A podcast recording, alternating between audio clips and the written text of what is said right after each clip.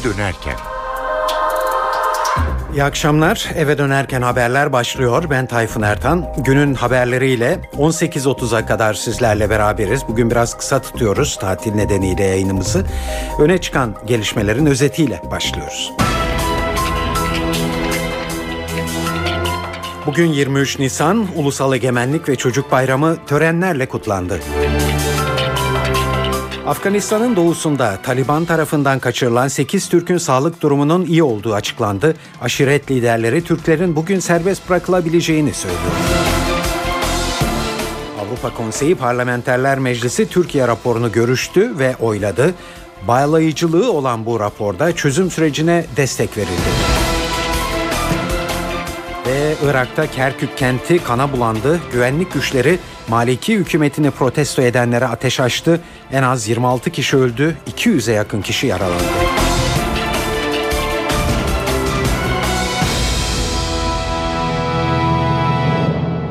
Akşamlar. Bu akşam açılışı 23 Nisan Ulusal Egemenlik ve Çocuk Bayramı'na ayırdık. Şenlik havasında geçti kutlamalar ve merkez her yıl olduğu gibi Ankara'ydı. 23 Nisan'ın sembolleşen geleneklerinden koltuk devretme törenleri vardı yine. Başbakan ve bakanlar koltuklarını kısa süreliğine de olsa çocuklara bıraktılar. Kutlamaların Ankara ayağına ilişkin notları muhabirimiz Ercan Gürses derledi.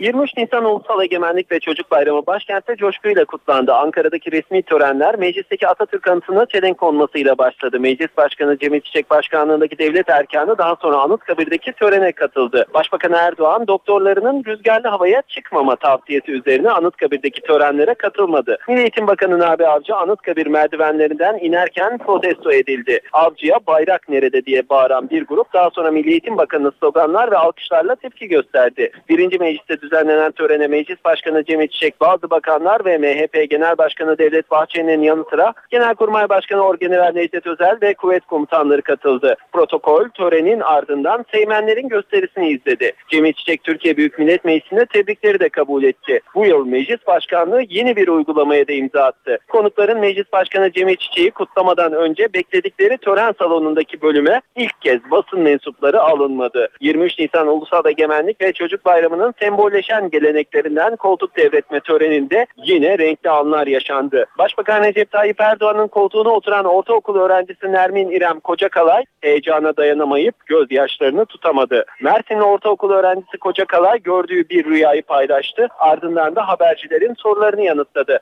Başkanlık sistemi sorusu minik başbakanı zorladı. Devreye Başbakan Erdoğan girdi. Başkanlık sisteminde çalıştıklarını söyledi. Okullarda serbest kıyafet uygulaması da gündeme geldi. Başbakan Başbakan Erdoğan önümüzdeki yıllarda kaldırılacağı ileri sürülen 23 Nisan Ulusal Egemenlik ve Çocuk Bayramlarına özgü koltuk devretme geleneğinin kendileri iktidar olduğu müddetçe devam edeceğini de vurguladı. Ercan Gürses, NTV Radyo Ankara.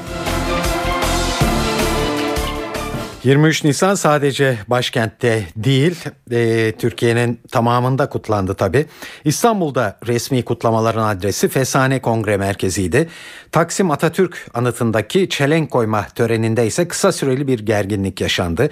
Bazı vatandaşlar ve CHP İstanbul İl Başkanı törenin çok kısa sürdüğünü belirterek tepki gösterdi. Resmi törenin ardından Fatih Belediyesi'nin organize ettiği 23 Nisan yürüyüşü İstiklal Caddesi'ni karnaval alanına çevirdi. Çocuklar renkli kostümleri ve marşlar eşliğinde tünelden Galatasaray'a kadar yürüdüler.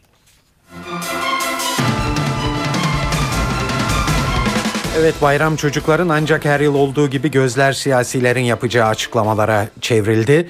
Liderler parlamentoda düzenlenen özel oturumda birbirleri ardından konuştular. Gündemlerinde yine çözüm süreci vardı. Başbakan Erdoğan süreçte kararlılık mesajı verdi.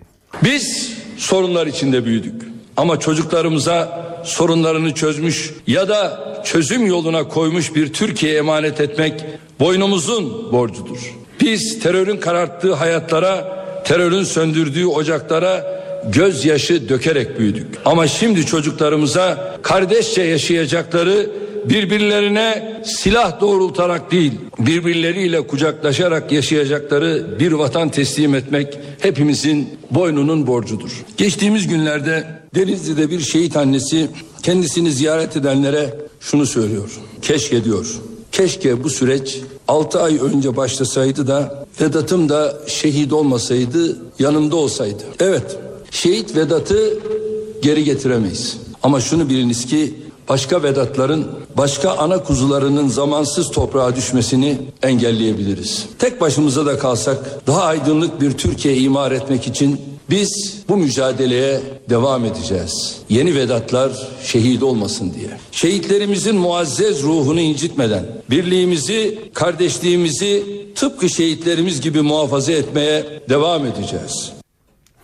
BDP eş başkanı Gülten Kışanak da sürecin önemine vurgu yaptı. Kışanak, tarih bize yeni fırsatlar sunmakta.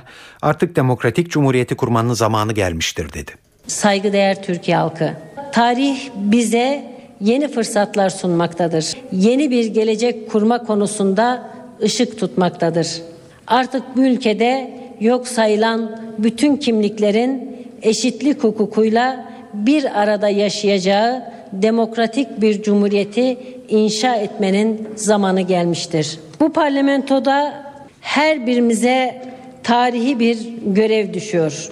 Bu görevde demokrasiyi ve barışı inşa etmektir. Yeni bir anayasa yapma sorumluluğuyla karşı karşıyayız. Çoğulculuk anlayışına dayalı demokratik ve özgürlükçü bir anayasa toplumdaki bütün renkleri birleştirecek, bir çatı altında buluşturacak güçte olacaktır. Yağmurda birlikte ıslandık, güneşi de hep birlikte karşılayabiliriz. MHP lideri Devlet Bahçeli ise süreci üstü kapalı şekilde eleştirdi. Devletin üniter yapısı ve birliğimiz ihlal edilemeyecek dedi. Ne hazindir ki meclisimizin kuruluşundan geçen 93 yıl sonra milli birliğimiz kırılmaya, milli kimliğimiz tahrip edilmeye çalışılmaktadır. Özenle üzerinde titrememiz gereken bin yıllık derin kardeşlik hukuku etnik fırsatçıların elinde heba edilmek istenmektedir. İlk meclisin mukaddes kuruluş yıl dönümünü anarken asla hatırımızdan çıkarmamız gereken husus şudur. Kurucu kahramanlarımızın ve muhterem ecdadımızın bizlere bıraktığı milli, milli emanetlerden, kanları ve canları pahasına bizlere hediye ettikleri milli değerlerden hiçbir şekilde vazgeçilmeyecek, ödün verilmeyecektir. Vatanımızın bölünmez bütünlüğü, devletimizin üniter yapısı, Türk milletinin şeref, itibar ve birliği meclisin kırmızı çizgilerindendir ve ihlal edilemeyecektir. Hiç kimse ilk meclisi yanlış yorumlamamalı. Hiç kimse milliyetçi kahramanların dönemsel olarak kullandıkları bazı ifadeleri terse çekmemelidir. Evet çözüm süreciyle ilgili olarak Erdoğan, Kışanak ve Bahçeli'nin e, yaptığı e, konuşmalar e, özünde bu mesajları içeriyordu. E, normal günlere kıyasla tonu hayli yumuşaktı konuşmaların 23 Nisan bayramı nedeniyle olsa gerek. Cumhuriyet Halk Partisi Genel Başkanı Kemal Kılıçdaroğlu'nun gündeminde tutuklu vekiller konusu vardı. Kılıçdaroğlu bu arkadaşlarımızın hapiste geçirdiği kaçıncı 23 Nisan insan hakları gasp ediliyor dedi. Bu yüce meclisin kendi hukukunu çiğnetmeye hakkı yoktur. 8 üyesi gayrimeşru olarak ve hukuk dışına çıkılarak hapse atılmış bir meclisin itibarı doğal olarak kaybolmaz mı? Bu arkadaşlarımızın hapiste geçirdikleri kaçıncı 23 Nisan bu? Ve daha ne kadar bunların hakları gasp edilmeye devam edilecek? 23 Nisan 1920 hem zihinlerde hem dillerde hem de yüreklerdedir. Silmeye kimsenin ne gücü ne de cesareti yeter. Tıpkı Türkiye Cumhuriyeti, tıpkı TC gibi. Afganistan'dan bir haber var sırada. E, dün biliyorsunuz Afganistan'ın doğusunda Taliban e, 8 Türk'ü kaçırdı e, ve dün ellerinde Türk bulunmadığını duyurdu Taliban ama bugün bu açıklama değişti ve rehin tutulan 8'i Türk toplam 11 kişinin sağlık durumunun iyi olduğu açıklandı. Taliban sözcüsü rehinelerle ilgili ne yapılacağına henüz karar verilmediğini de ifade etti. Aşiret liderleri ise bölgedeki Türklerin bu akşam serbest bırakılabileceğini söylüyor. Ayrıntıları İhlas Haber Ajansı Kabil muhabiri Mustafa Deveci'den öğreniyoruz. Logar Vali Sözcüsü Din Muhammed Derviş Reuters'a yaptığı açıklamada Türklerin yani Taliban'ın elinde bulunan rehinelerin bugün öğleden sonra bırakılabileceğini söyledi ama bizim görüştüğümüz yerel yetkililer ise bunu doğrulamadı. Bunlardan birincisi Logar varisi Arsala Cemal'di. Vali şunu söyledi evet görüşmelerimiz devam ediyor ama Türklerin ne zaman bırakılacağı veya tarih veya zaman vermemiz mümkün değil açıklamasında bulundu. Bu açıklamanın arkasından Taliban sözcüsüyle de görüştük. Zebiullah Mücahit'e sorduk ne zaman bırakacaksınız Türkleri diye. Zebiullah Mücahit şöyle söyledi. Biz şu anda soruşturmalarımıza devam ediyoruz. Bu kişilerin kim olduklarını, ne için burada olduklarını öğrenmeye çalışıyoruz ve şu anda bizim Afgan makamlarıyla herhangi bir görüşmemiz yapılmıyor veya herhangi bir görüşmemiz yok dedi. Ama sabah e, Afgan ajanslarına düşen bir haber vardı. Bölgedeki Taliban komutanlardan birisi Afgan ajanslarına açıklamada bulundu ve şunu söyledi. İki veya üç gün içinde Türklerle ilgili karar vereceğiz dedi. Bugün görüştüğümüz Logar valisine biz de aynı soruyu sorduk. Şu anda rehinelerin nerede olduğu konusunda tam kesin bilgi olmadığını ama rehinelerin Logar vilayetiyle Celalabad vilayeti arasında sınır sınır bir bölgede tutulduğunu düşündüklerini söyledi. Bu bölgede bulunduklarını düşünüyoruz. Çünkü Celalabad Pakistan'a açılan e, bir kapı gibi Afganistan'dan Pakistan'a geçişin yapıldığı e, sınır bölgelerinden birisi de Celalabad. İşte dediğimiz gibi Taliban Pakistan'a götürmeye çalışıyor büyük ihtimal e, rehineleri ama bölgedeki güvenlik güçleri de bunu engellemek için ellerinden geleni yapıyor. Burada bölgede arama çalışmaları devam ediyor. Bu da belki askeri operasyon olarak yansımış olabilir ajanslara ama bizim görüştüğümüz yetkililer Logar valisi ve bölgedeki Logar İl Şura Başkanı bu askeri operasyona karşı çıkıyor. Amerika Birleşik Devletleri Dışişleri Bakanı John Kerry'nin isteği kabul görmedi. Başbakan Erdoğan Gazze ziyaretini ertelemeyecek. Erdoğan Kerry'nin ziyareti ertelense iyi olur sözlerine tepki gösterdi. Başbakan keşke söylemeseydi şık olmadı. Bir şey diyeceklerse bunu Amerika seyahatim sırasında yapabilirlerdi. Orada masaya yatırılabilirdi dedi. Kesin tarih belli değil ancak ziyaretin Mayıs ayı sonunda gerçekleşmesi bekleniyor. Müzik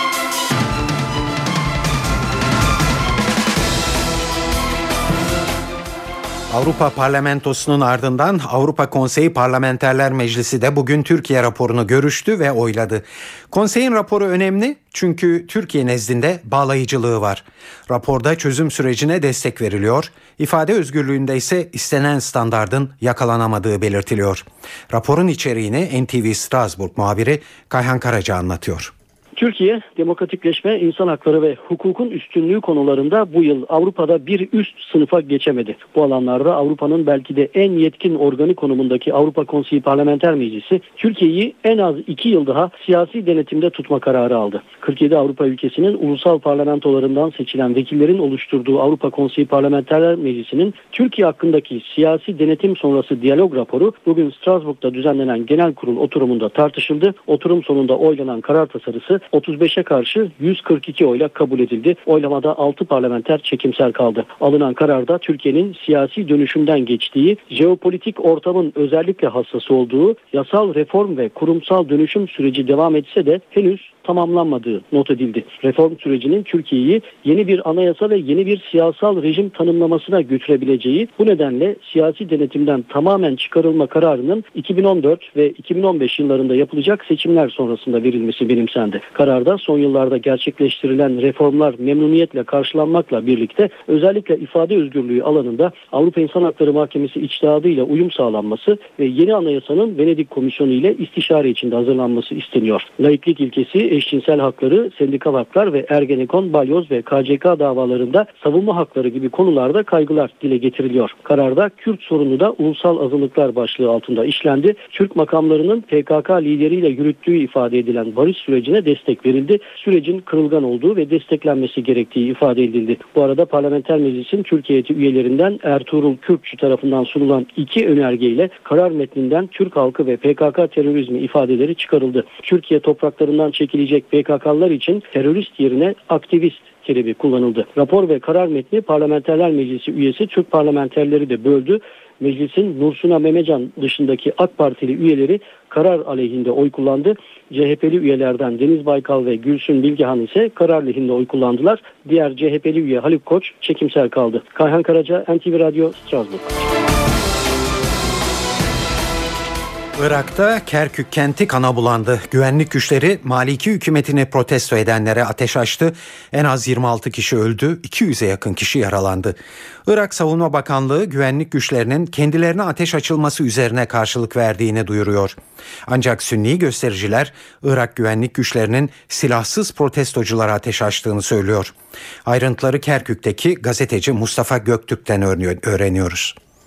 Sabahın erken saatlerinden e, itibaren yaşanan çatışmalarda ölü sayısı tabii 30'ları e, aştığı söyleniliyor. Tabii bunlar e, kesin rakamlar değil fakat verilen rakamlar işte 26 e, ölü ve yüzlerce yaralı. Kerkük e, Hastanesi'nin yakınlarındaydık oraya sürekli e, ölü ve yaralılar sevk ediliyor. E, bu arada çalışmalar yavaş yavaş Kerkük'ün ve Tikrit e, kentinin diğer illerine de e, ilçelerine de e, sıçramaya başladı. Bu arada Süleyman Bek'te de yine çatışmalar yaşandı ve orada da ölü ve yaralı olduğu söyleniliyor. Tabii e, yaralılar hem halk tarafından, direnişler tarafından, Sünniler tarafından ve Nuri El Maliki, Şii lider Nuri El Maliki'ye bağlı özel e, güçleri SWAT olarak adlandırdıkları özel güçlerinden de e, oldukları yönünde. Ve bunlar e, kesin bilgiler değil çünkü e, burada gerçekten de bütün yollar kapalı ve herhangi bir şekilde savaş bölgesine girmek kesinlikle yasak ve şu ana kadar oraya giden gazeteciler bir tane Arap gazetecisi, hala belirsiz e, ve e, ondan haber alınamıyor. Bu nedenle Sünni televizyonları bu gazetecinin serbest bırakılması hatta bugün Kerkük valisi Necmettin Kerim de bir bildiri yayınlayarak bu gazetecinin derhal serbest bırakılması yönünde haberler bu yönde ve yavaş yavaş gerilim tırmanıyor ve Sünnilerle Şiiler arasındaki e, neredeyse çatışmalar büyük illeri de sıçrayacak yönde. NATO ülkelerinin dışişleri bakanları Brüksel'de bir araya geldi. Gündemlerinde Suriye, Kuzey Kore ve Afganistan vardı. Toplantıda alınan kararları NTV Brüksel temsilcisi Güldener Sonumut'tan öğreniyoruz.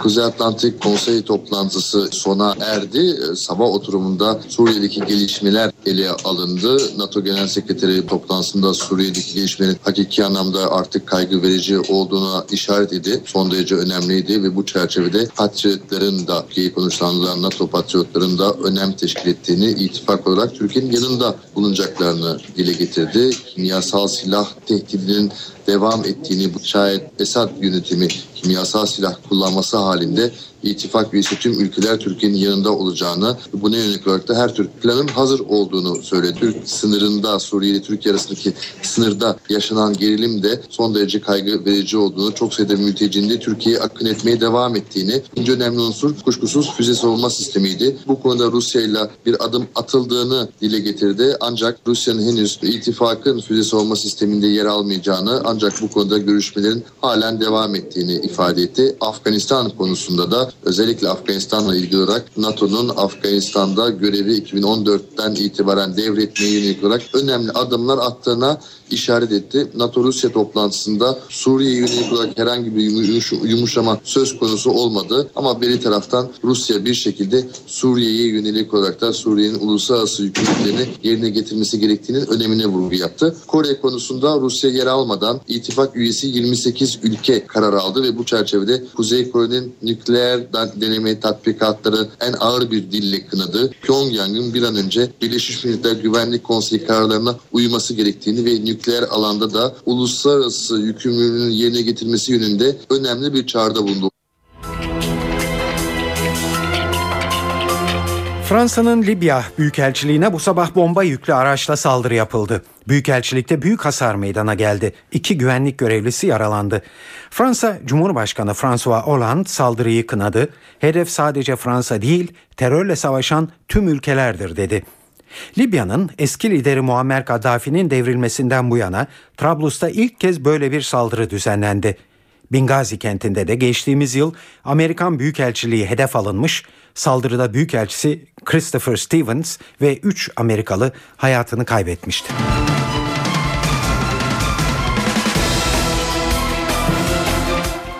Suriye'de iki yıldır süren iç çatışmalarda kimyasal silah kullanıldığına yönelik iddialar yeniden alevlendi. İsrail askeri istihbaratı yine Beşer Esad rejiminin muhaliflere karşı sinir gazı ve diğer kimyasal silahlar kullandığını ileri sürdü. Askeri istihbarat biriminin başındaki isim Tuğgeneral İtai Brun, anladığımız kadarıyla Esad rejimi birkaç defa kimyasal silaha başvurdu ve sinir gazı kullanıldığını düşünüyoruz dedi. Suriye yönetimi geçtiğimiz günlerde ülkedeki çatışmalarda kimyasal silah kullanımını araştırmak isteyen Birleşmiş Milletler'in soruşturmayı tüm ülkeye yayma girişimini reddetmişti.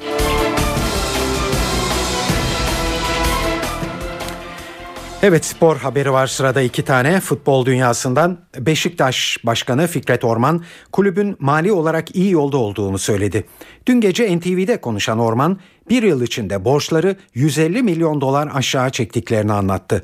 Orman İnönü stadının Mayıs başında yıkılacağını teknik direktör Samet Aybaba konusunda da sezon sonunda karar vereceklerini söyledi. Biz geldiğimiz gün Beşiktaş futbolcusunun iki sezon evvelinden, üç sezon evvelinden ve güncel olarak borçları oynayan oynamayan Beşiktaş kulübünün transfer yapıp transferlerinin bedellerini ödemediği 19 milyon doların üzerinde kulüplere borcu olan, menajerlere 10 milyon dolar borcu olan, 200'ün üzerinde davayla her gün uğraşan bir yönetim olarak bu görevi aldık ve bir senede Beşiktaş'ın borcunu 150 milyon aşağı çekip biz İnönü Stadyumu'nun inşaatına en kısa sürede yani Nisan ayının sonu Mayıs ayı gibi başlamak istiyoruz. Yasal süreçlerinde hiçbir sıkıntımız da yoktur. Prosedürleri devam ediyor ve en sonuna geldik. Biz niyetimizin ilk günden ortaya koyduğumuz gibi 4 yıllık bir kontrat yapmışızdır. Beşiktaş takımı inşallah en iyi bitirebildiği kadar en iyi yerde bitirmesine gayret edecek hocamız ve oyuncularımız. Onun sonucu itibariyle de sezon sonundan sonra bir o günün stratejisine o gün bakacağız. Şampiyonlar Ligi'nde yarı final perdesi bu gece turnuvanın iki favori ekibi Bayern Münih ile Barcelona'nın oynayacağı maçla açılıyor. Bayern ilk maçta alacağı avantajlı bir skorla üst üste ikinci kez finale adını yazdırmak istiyor. Alman liginde bitime haftalar kala şampiyonluğunu ilan eden ve son maçlarda hücumda gol yağdıran Bavyera ekibinde Hırvat golcü Mario Mandzukic cezası nedeniyle Barcelona karşısında görev yapamayacak. Şampiyonlar Ligi'nde üst üste 6. kez yarı final maçına çıkacak Barcelona'da ise Lionel Messi'den iyi haber var. Paris Saint Germain'le oynanan çeyrek final ilk maçında arka adelesinden sakatlanan ve daha sonraki maçlarda dinlendirilen Arjantinli Yıldız'ın Münih'te takım arkadaşlarıyla birlikte sahaya çıkacağı söyleniyor. Buna karşın savunma hattında Mascherano ve Puyol'un sakatlıkları sürüyor. Defansın bir diğer önemli ismi Adriano ise cezalı. İki takım arasındaki istatistiklere bakıldığında 6 maçın 3'ünü Alman ekibi kazanmış. 2 mücadele beraberlikle sonuçlanmış.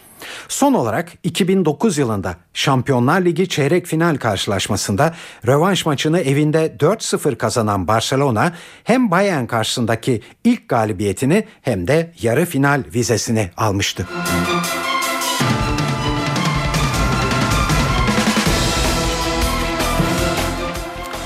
Evet eve dönerken haberler bu akşam burada e, sona eriyor. Bu yayının editörlüğünü Sevan Kazancı, stüdyo teknisyenliğini Ceyhun Hoşol yaptı. Ben Tayfun Ertan. Hepinize iyi akşamlar diliyoruz. Hoşçakalın.